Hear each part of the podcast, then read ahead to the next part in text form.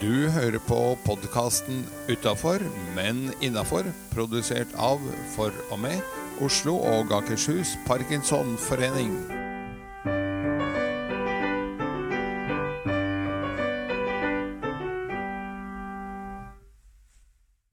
Hei, jeg heter Seri Lind, og ved min side har jeg Edgar. Hei, Edgar. Hei! Nå, Hva er programmet? Hva står på agendaen i dag? Du, Der står det en del av de som etter hvert er blitt faste poster. Vi begynner med en bra start på dagen. For vi tenker at hvis du får en bra start på dagen Legg meg til at jeg ruller litt på r-en der sånn. Hvis du får en bra start på dagen, så blir resten av dagen også veldig, veldig bra. Og så har vi et lite Parkinson-tips. Hvordan eh, du lever best mulig med den sykdommen. Som jo også kan være nyttig å ta med seg for pårørende. Og så har vi ukens gjest, og så har vi kunngjøringer og quiz. Og til slutt eh, ukens Mysja-tips fra Audun Mysja. Så enkelt. Men allikevel så mye bra vi skal gjennom. Ikke sant? Skal vi begynne med en bra start på dagen, da? For der pleier du å ha et tips. Ja, du, vet du hva? Noen ganger så kan tips bli sånn Det høres enkelt ut, men så blir det dørstokkmil.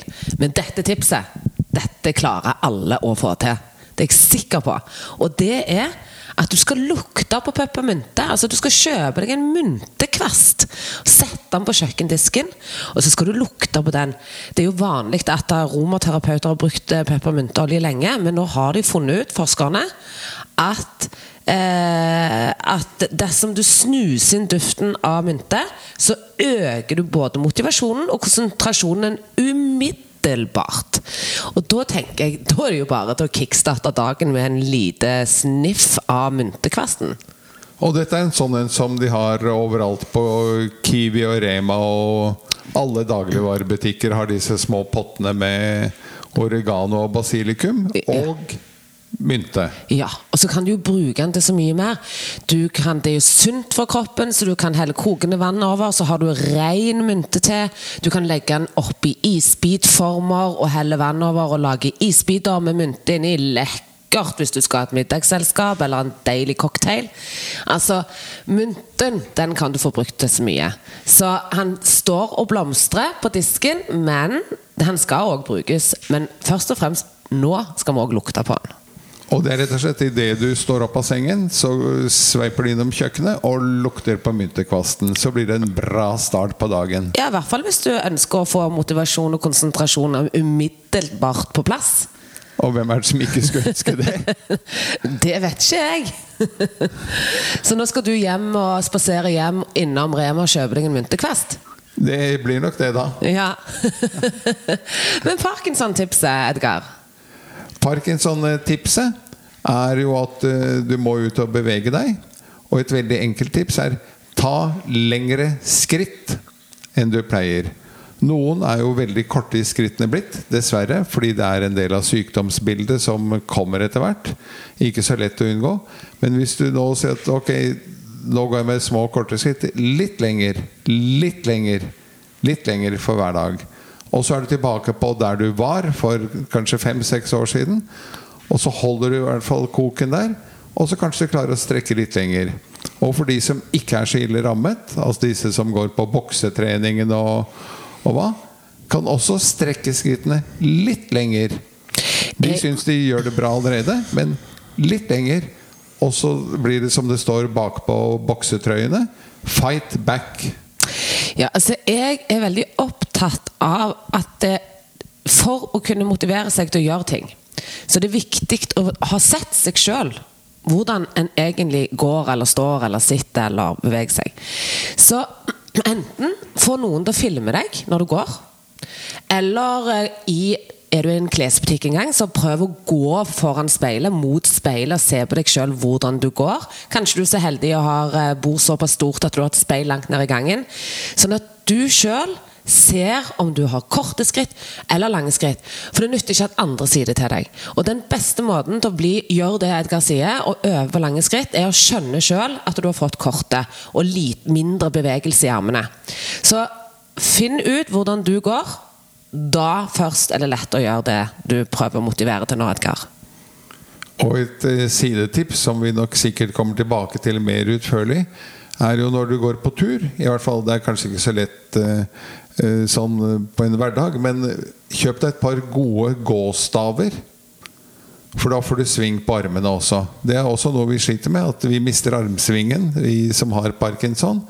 Når du har staver, så er du liksom nødt til å ha armsving, da, for ellers blir det jo veldig merkelig. Så det var tips B for i dag. For i dag. Og da skal vi videre til Hvem er ukens gjest? Du, det er uh, fagansvarlig for uh, fysioterapeuten i Parkinsonnett. Vi kjører jo en serie nå hvor vi forrige uke fikk um, litt innføring i hva Parkinsonnett er. Og hvor bra det er for oss parkinsonister. Og så går vi innom de enkelte faggruppene, og vi åpner med Per Olav Wold Olsen, som er eh, fagansvarlig for fysioterapeutene i Parkinson Nett. Da syns jeg vi ringer han opp, jeg. Da ringer vi ham opp, vet du.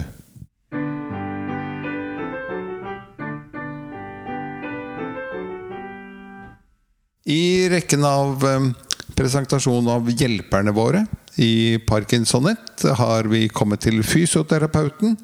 Det er Per Olav Wold Olsen som eh, er fagveileder for den gruppen. Og da er det naturlig at han svarer på vegne av alle sine kolleger. Velkommen inn, Per Ola. Tusen takk for det, Edgar. Velkommen, velkommen. Takk, Serelin. hva, det er kanskje et banalt spørsmål, men hva gjør egentlig en fysioterapeut?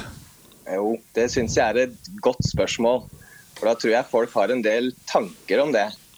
Uh, og i hvert fall før, hvis vi går litt tilbake i tid, så tror jeg de fleste tenkte på uh, benkbehandling, hvor fysioterapeuten uh, tar på deg og gjør noe for å bedre funksjonen eller kanskje smertelindre. Men, men sånn som jeg liker å forklare det, fysioterapifaget det dreier seg om bevegelse og bevegelsesapparatet. Så litt sånn fysioterapifaget har også, som vi liker å si, da, kommet seg opp fra benken de siste ti åra. For når bevegelse er sentralt, så er jo trening, aktivitet og alle disse aktive tiltakene. Altså ikke passive tiltak hvor du ligger på en benk og, og mottar noe, men at du gjør noe selv for å bedre motorikk og bevegelse. Ja, For å bryte inn, så tror jeg dere har litt vei å gå der. For jeg har selv en far som uh, har vært flere runder. Og hver gang så kommer han tilbake og er dritsur og klager og sier at uh, Nei, men han gjorde jo ingenting, han. Jeg måtte gjøre alt sammen selv. Ja. Så det er jo litt det skiftet fra det vi kaller gamleskole til nyskole. da. Opp fra benken. Og når vi jobber med bevegelsesapparatet, så trenger vi aktive tiltak. Det var en flink fysioterapeut som sa en gang vi kan aldri massere mennesker sterkere eller massere bedre balanse. Det må faktisk gjøres. Så litt sånn der, sånn som du nevnte nå, da. Så tenker jeg at den gode dialogen med fysioterapeut er helt avgjørende. For hvis pasienter gjør tiltak og gjør som fysioterapeuten sier, men man ikke liker det eller kanskje helt skjønner hvorfor, da kommer man ingen vei med tiltakene. Så god innsikt i det syns jeg er avgjørende. Og med jobben min som fagveileder så hører jeg jo ofte fra pasienter at nei, jeg er, ikke, jeg er ikke fornøyd med sånn og sånn, eller de gjør sånn og sånn. Og da er mitt svar alltid det syns jeg du skal si til fysioterapeuten. For hvis dere har gjort de samme tiltakene lenge, og fysioen tror du syns det er greit og kanskje gir deg bedring, da vil de kanskje fortsette med det. Men hvis du sier at jeg har nye behov, eller jeg veit ikke om det vi gjør er hensiktsmessig, da vil en hvilken som helst flink fysioterapeut si at ja, men da evaluerer vi tiltakene våre. Eller sånn som jeg har lyst til å slenge til, da, innenfor Parkinson Nett, nå som vi nå har veldig mange fysioterapeuter, så kan vi også være flinkere til å henvise oss imellom. Hvis du har fulgt opp en pasient over lang tid og kanskje stagnerer litt i tiltakene, eller kanskje tenker at det er noen fysioterapeutiske tiltak som andre kan bedre enn meg, så kan man jo foreslå å si at du, nå har vi gjort dette. Hva om du prøver å gå her og trene på den måten, og så eventuelt komme til meg seinere igjen. Det er også litt sånn i, i det vi kaller da nyskolefysioterapi. For før så var det litt vanlig at du hadde en tilstand som trengte oppfølging, og så gikk du fast til samme fysioterapeuten år etter år. Hvis det ikke gir noen resultater, så tenker vi nå at det er ikke vits i å fortsette med tiltakene på den måten. Nei. Eh, du nevnte at uh, du brukte et ord som bevegelsesapparatet. Ja. Uh, jeg hadde egentlig et spørsmål her om hvorfor fysioterapeuter er særskilt viktig for oss parkinsonister. Men da er du delvis besvart det allerede? Ja, nettopp. Og da også sier vi at når vi snakker om bevegelsesapparatet, så er jo hjernen og nevrologi er en stor del av dette. Enkelt sagt så er dette datamaskinen til bevegelsesapparatet. Så Derfor er nevrologi er en stor del av fysioterapien. Vil du utdype det i to setninger? Ja. Eh, alt av bevegelser som blir gjennomført, det er planlagt og strukturert oppi hodet på en måte vi forstår ganske greit. Og da ved skade, eh, skade eller sykdom, så kan det affisere visse systemer som manifesterer seg veldig tydelig. Altså Hvis vi tar den f.eks. slag, da, som kanskje de fleste har et forhold til. Hvis du får et slag i motorisk bark på venstre side, så får du problemer med armer og bein på høyre side. Da veit vi hvordan det området funker. Hvis man får skade der, så ser man utfallene. Og til Parkinson-diagnose, da, da er det jo omfattende, men da dreier det seg om substansia nigra og dopamin som et veldig viktig transmittersubstans i bevegelser. Riktig. Eh, er det forskjell på forebyggende behandling kontra opptrening her? Når, ja. når skal pasienten ta kontakt med fysioterapeut? Ja, så Hvis vi forholder oss til parkinson utelukkende, da, så er det anbefalt nå å starte trening ved diagnosestart. Og hvis man starter treningen rett ved diagnose, da kan man kalle det litt mer forebyggende.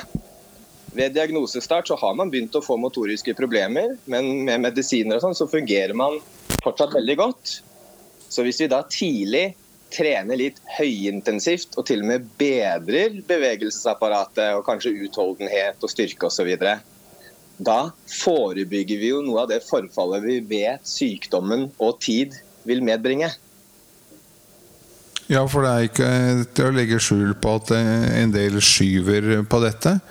Eh, altså Vi hadde for en tid tilbake en egen visning av den svenske filmen 'Spring', Øye Spring, som handler om eh, eh den svenske artisten eh, Øye, eh, som får diagnosen og ikke tar det inn over seg i det hele tatt. Ikke deler med kolleger, ikke deler med familie. Og jeg hadde i den anledningen en prat med din øh, fagkollega Silvia Bedini, som sa at hun jo også husket da, da hun fikk diagnosen, at hun skjøv på sannheten. Hun nektet ikke direkte, men hun var heller ikke ute og, og delte aktivt fra dag én. For det var jo bare litt skjelving, eller bare litt sånn, eller bare litt slik. Men du sier altså at uh, jo før man tar tak i det, jo, jo, før skal man også kontakte fysioterapeuten og begynne å jobbe med det. Ja, absolutt. Og så liker jeg å forklare det på den måten her at eh, man sier jo at Parkinsons sykdom, det dør man med, ikke av. Mens sånn for bevegelsesapparatet og veldig fysioterapeutisk, så er det at sykdomsbildet det fremskynder skrøpelighet. Og skrøpelighet, at man blir langsom og får alle disse aldringstegnene, det går det an å gjøre veldig mye forebygging ved. Ja, og i den anledning kan du foreslå en eh, øvelse alle kan gjøre hjemme?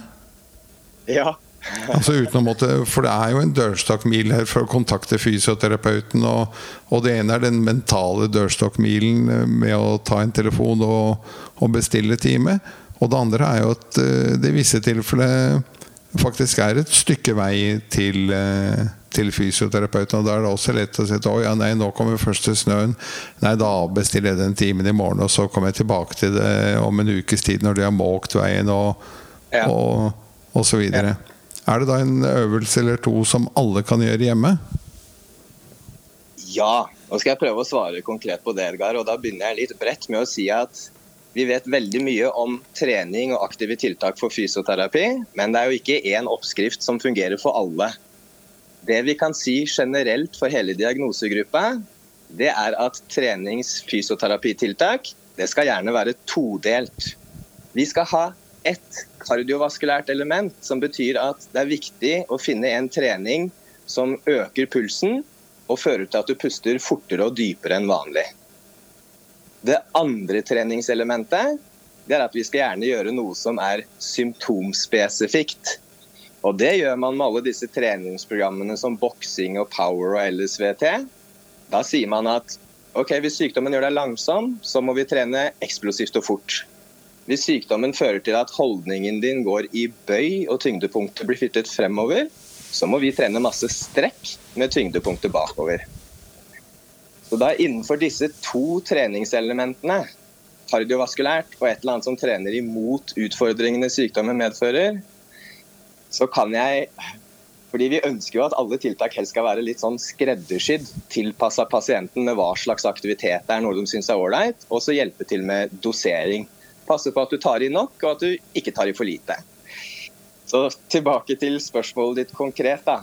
Hvis jeg skal anbefale én ting for hele diagnosegruppa, så vil jeg si at du må finne én måte å få opp pulsen og puste fortere og dypere enn du gjør til vanlig en måte du presser kroppen litt mer enn ved daglig aktivitet. Så la oss si da at du har som treningaktivitet at du går tur hver dag. Hvis du bare går turen vanlig, så kan det jo med årene føre til at du går med kortere skritt og kanskje saktere. Men hvis du tenker at jeg skal fortsette å gå turen min, men jeg skal prøve å gå mye fortere, eller kanskje sånn intervalltilnærming, at deler av turen så går jeg skikkelig fort og puster og peser, og så hviler jeg, sånn at jeg får, eh, og så tar jeg en liten pause. Sånn at jeg får ned pulsen, og kanskje helt ned til hvilepuls. Og så kan jeg begynne på nytt igjen. Men det er viktig også å, å presse da spesielt hjerte og lunge litt mer enn hva de gjør ved daglig aktivitet. Det var bra. Hvor... Ja. Ja, Eh, vi begynner å nærme oss eh, slutten. Hvordan fungerer samspillet med de andre faggruppene i Parkinson-nett? Det vil jeg si veldig godt. Eh, nettverk og tverrfaglig nettverk er jo liksom en av pilarene i Parkinson-nett. Så ved, ved, grunnkurs så blir man jo introdusert og får hilst på andre fagpersonene. Og gjennom fagsamlinger så har vi også hatt mye mer tverrfaglighet spesielt under korona hvor vi har gjort det meste digitalt, så har vi hatt mye mer tverrfaglige samlinger enn særfaglige samlinger. Eh, jeg vil si at I Oslo-nettverket så er eh, de forskjellige faggruppene blitt også ganske flinke til å vite hvem som jobber innenfor din bydel eller i ditt nabolag, holdt jeg på å si. Hvilke andre ressurspersoner er i Parkinsonnett utenom min faggruppe i mitt miljø. Sånn at en fysioterapeut kan henvise til en logoped, eller vice versa. Interessant. Eh, det penser for så vidt inn på et annet spørsmål. Eh, Parkinsonnett er jo i utgangspunktet et eh, initiativ fra Nederland. Og der har man nå med en 15-20 ulike faggrupper, litt avhengig av hvordan man grupperer og teller. Hvis ja. Og i Norge er vi sånn sett eh, bare så vidt ut av startblokkene med fire. Hvis ja. Eh, vi skulle invitert noen nye faggrupper inn i Parkinson, hvilke ville du ha invitert inn? Sett fra ditt ståsted? Ja, da er det jo veldig lett å se på hvilke Nederland har, og hva vi også skulle tenkt oss. Men litt fra mitt ståsted, da, fysioterapi, så skulle jeg ønske at vi hadde fått engasjert idrettspedagogene på en mer effektiv og strukturert måte. Idrettspedagogene har jo veldig ofte gruppetreninger, er på rehab-sentrene og møter mange Parkinson-pasienter. Eh, men idrettspedagogene de har ikke en beskytta tittel, og de har ikke eh, helsestatus i sin tittel. Derfor har vi tenkt da, at det hadde jo vært veldig ønskelig å få dem inkludert. Men når de ikke har helsestatus, så kan vi ikke ha dem med på vanlig grunnkurs. Mens eh, jeg drodde litt rundt og har snakka med noen av de veldig engasjerte idrettspedagogene. Hva med å lage et eget opplegg innenfor Parkinsonett, som da kanskje var retta mot dem som treningsveiledere og gruppetrenere, men at de ikke har helsestatus. Og bare for å si en avslutning, Dette her er ting jeg har tenkt. da. Fordi med alle disse fagpersonene som er med i Nederland, så er det jo helsestatus er litt sånn avgjørende. Men de er en så viktig ressurs. Og i tillegg til de, når de etterspør kan ikke vi få være med på Parkinson-laget, da ønsker jo vi å inkludere dem. Spennende innspill. Spennende.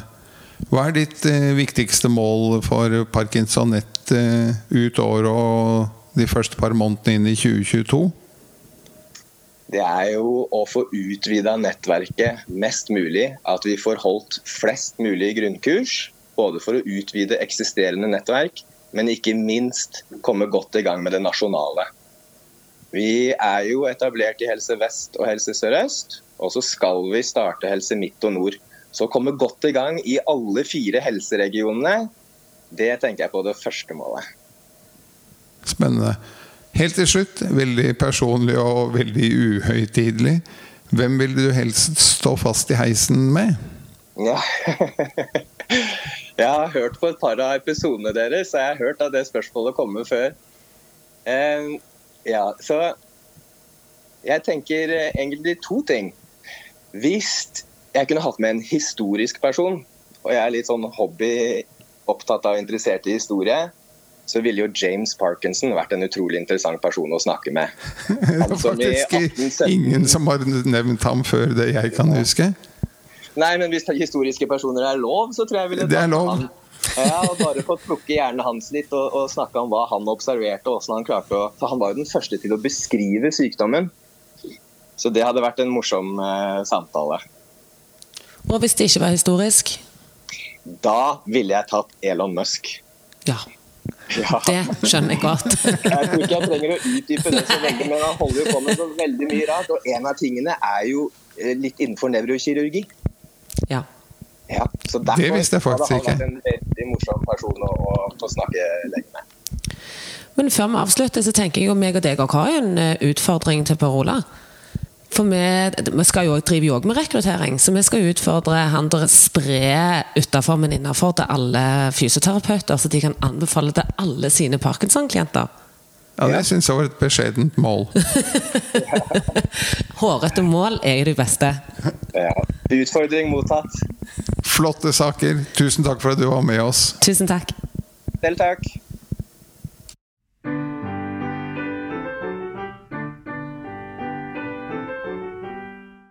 Kunngjøringer. Hva har vi da? Du, i dag eh, Som vanlig så henviser vi jo til hjemmesidene parkinson.no, hvor alle aktiviteter, arrangementer og møter og hva ligger ute. Eh, og så har vi spesiell fokus på to ting. Det ene er eh, onsdagsklubben i Oslo nord. På Bjerke nærmiljøsenter, der alle er hjertelig velkommen på onsdager. Det er jo en lillebror til Mandagsklubben i Oslo Syd. De som ikke får tid på mandag, kan gå på onsdag. Eller både og. Og hva skjer der? Jo, det bør jo du vite, for du er jo en nøkkelperson i det der. Der er det både fysioterapitrening, det er logopeditrening, altså trene stemmen. Og så er det felleslunsj og en quiz, så vidt jeg vet. Og quiz er jo du ganske rå på. Men parallelt med det så skal vi også minne om en studiering som eh, starter opp i Oslo syd. Den ledes av Per Erik Hansen, som er en utdannet likeperson i vårt miljø. Og det skal være fire samlinger som tar opp aktuelle problemer for oss som har Parkinsons sykdom. Så vel fysiske som psykiske. Forbundet har utarbeidet en del studiemateriell Per Erik har gått gjennom og godkjent. Eh, så dette bør bli veldig bra. Du går inn og leter opp Oslo Syd og Studieringen og melder deg på. Og du må vel regne med at de som er medlemmer i Oslo Syd, har et lite forsprang på oss andre. Men det er plass til flere hvis ikke det blir fulltegnet av medlemmer i Oslo Syd. Så det er vel det vi setter spesielt søkelys på denne gangen. Så bra meld dere på. Når noen er så flinke å sette i gang et tiltak, så det er viktig at eh, du som bruker, forbruker eh, og medmenneske blir med og støtter opp rundt, sånn at eh, folk vil arrangere og fortsette å arrangere. Nemlig. Og et lite siden jeg sa at eh, Per Erik er en såkalt likeperson. Dette er altså folk som har gått spesielle kurs for å snakke med deg. Når du tenker at 'nå føler jeg meg alene', eh, og jeg har denne diagnosen, og nå harker stemmen litt, eller nå blir skrittene korte, eller noe annet Du føler at livet går imot, og hvem skal jeg snakke med da? Så har vi altså såkalte likepersoner som er i samme situasjon, og som du kan ta opp faktisk alt her i verden med. Å ha en person å spille ball med og få en skulder å gråte på om så trengs. Som kan hjelpe deg. Per Erik er en av dem. Eh, det finnes flere, og de finner du også på hjemmeside. Parkinson.no finner du oversikt over like personer. Det gjør du. Men eh, nå skal du eh, trimme igjen den litt, eh, Edgar. Ja, nå går vi fra det veldig, veldig seriøse til eh, det ikke så seriøse. Ja, så eh, vi skal nå ha en liten quiz. Det faste innslaget med quiz, og det blir vel så vanlig da at det er jeg som blir spurt ut, uh, for du har forberedt deg. Det stemmer. Jeg syns det er en så utrolig mye kjekkere fordeling. men eh, som vanlig skal du svare med ikke Parkinson-delay, men en eh, fast innlagt delay, sånn at du hjemme kan tenke samtidig som Edgar tenker. Så selv om han kan det, så får du eh, svare litt eh, sakte, Edgar. Vi har tema for dagen, og det er geografi. Ja, men der pleier jeg å være ikke så gæren. Vi får høre. Men det handler ikke om å svare feil, det handler om å tenke. Ja. Ja. Hvilken stat i USA er den eneste som starter med bokstaven P? Oi. Uh, Parisona? Nei. Uh,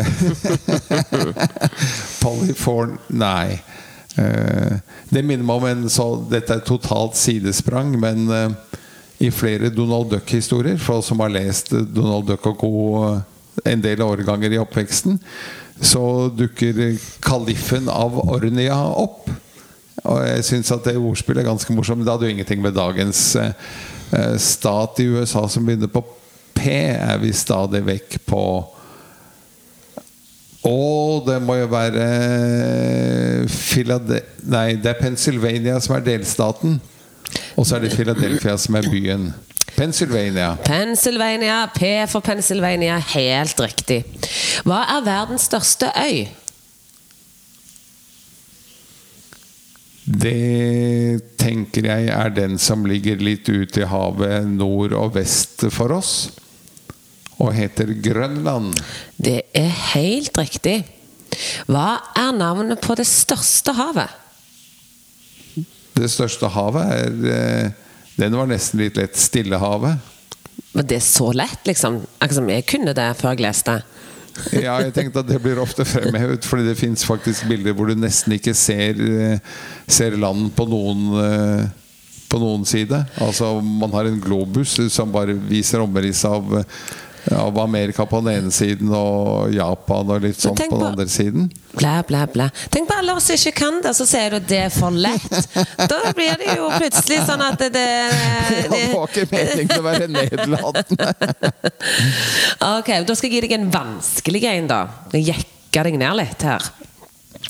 Hva er diameteren til jordkloden?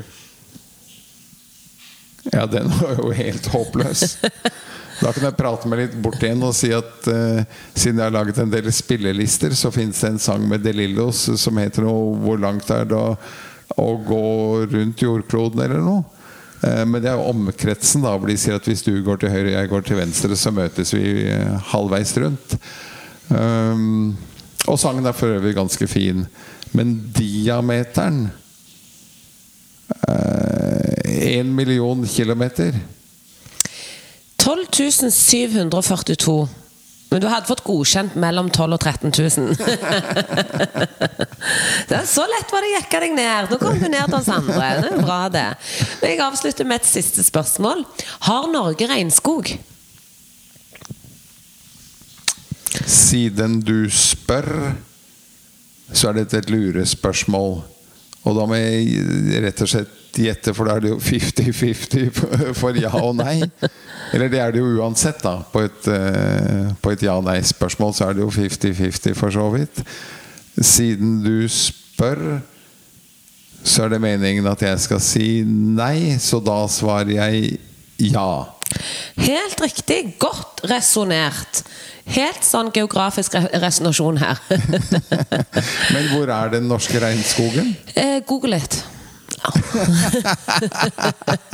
Du sitter bare med en sånn liksom kvist du som ikke leder helt i mål. Hvor er den norske regnskogen? Det er forskjellige steder, hvis jeg ikke tar helt feil. Men jeg tenker sånn, jeg skal ikke fare med, med feilinnlæring til alle de fine lytterne våre. Så hvis du der hjemme ble nysgjerrig så er min oppgave Dette klarer jeg å komme godt unna. Din oppgave i livet er å være nysgjerrig og sulten på kunnskap. Og Da må du lære sjøl, og da må du google det. Du kan ikke bare få informasjonen av meg. da, får, eh, da får vi gå hjem og google, da, alle vi som nå ble nysgjerrige på hvor i Norge den norske regnskogen eh, befinner seg. Det syns jeg. Og så tenker jeg at eh, vi er kommet til veis ende. Og skal da ja, avslutte lite, med et lite Mysja-tips uh, som uh, henger med fremdeles. Det er gode tips. Det er veldig gode tips. Vi um, er vel kommet til tips åtte eller ni eller noe sånt, tror jeg, Rekka. Vi begynner å, nærme oss målgang på det. Det er tips nummer ni, faktisk, vi skal ha i dag. Nest siste i rekken av ti Mysja-tips. Supert! Da høres vi. Det gjør vi.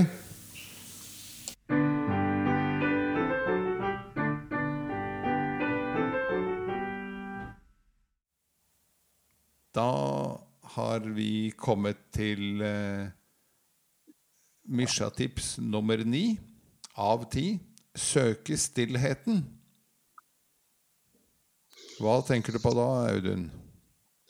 Eh, når jeg har jobba med mennesker som sliter med kronisk sykdom gjennom årene, så har jeg sett, sett at eh, eh, noe av det som skjer Mange blir hindra i å folde seg ut.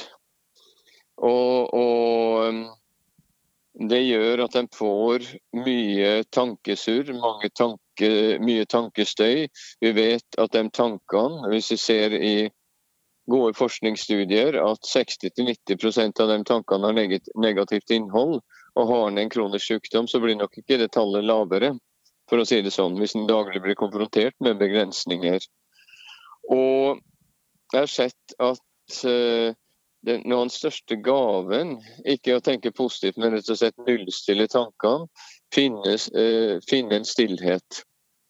Uh, når jeg bygde bygd opp noen avspennings CD med musikk til parkinson-rammer. Og flere snakker om at vet du hva, nå lander jeg for første gang i en stillhet. Jeg har hatt en sånn hjernestress som har kjørt i hodet mitt i alle år. Og Hvis du kan få nullstilt den støyen, så vil gjerne jobbe mer effektivt. Og i stillheten så får du faktisk også en reparasjon. Det er en del fysiologiske gevinster i det her. Hjernen og nervesystemet reparerer seg sjøl bedre. Og I prosjektene mine så har jeg sett, sett at avspenning, meditasjon, stillhet F.eks. jeg hadde en qigong-prosjekt eh, med en dyktig qigong-lærer nede i Vestfold. Eh, som vi fulgte i flere år. Og Intervjuene med pasientene var faktisk stille qigong. Det de rapporterte best effekt av. For da stilna hjernen, og folk kunne merke hvordan skjelvinga roa seg, og hvordan de fikk et annet perspektiv. Og at det var noe de kunne merke ga størst effekt på sykdommen, til og med. Så jeg tror i vår høyoktan tid med stimuli eh, inn, inn hele tida, så blir stillhet når vi mer og mer må velge eh, å søke hver dag. Og eh, jeg tror at særlig for dem som er rammet av parkinson, med den forstyrrelsene nevrologisk som skjer med sykdommen, så, så, vil det ha noen gevinster som er større enn vi har trodd. Både psykisk og faktisk fysisk. Utrolig bra. Og ikke minst til ettertanke for oss som jo promoterer mye musikk, og ukens musikkliste og det hele. Mm. Så er det at faktisk så skal man av og til gjøre det stikk motsatte, og som du sier, søke stillheten. Ja. Du har eh, hørt på podkasten 'Utafor, men innafor', produsert av For og med Oslo og Akershus Parkinsonforening. Vi håper du har hygget deg, og ønsker deg hjertelig på gjenhør i nye sendinger.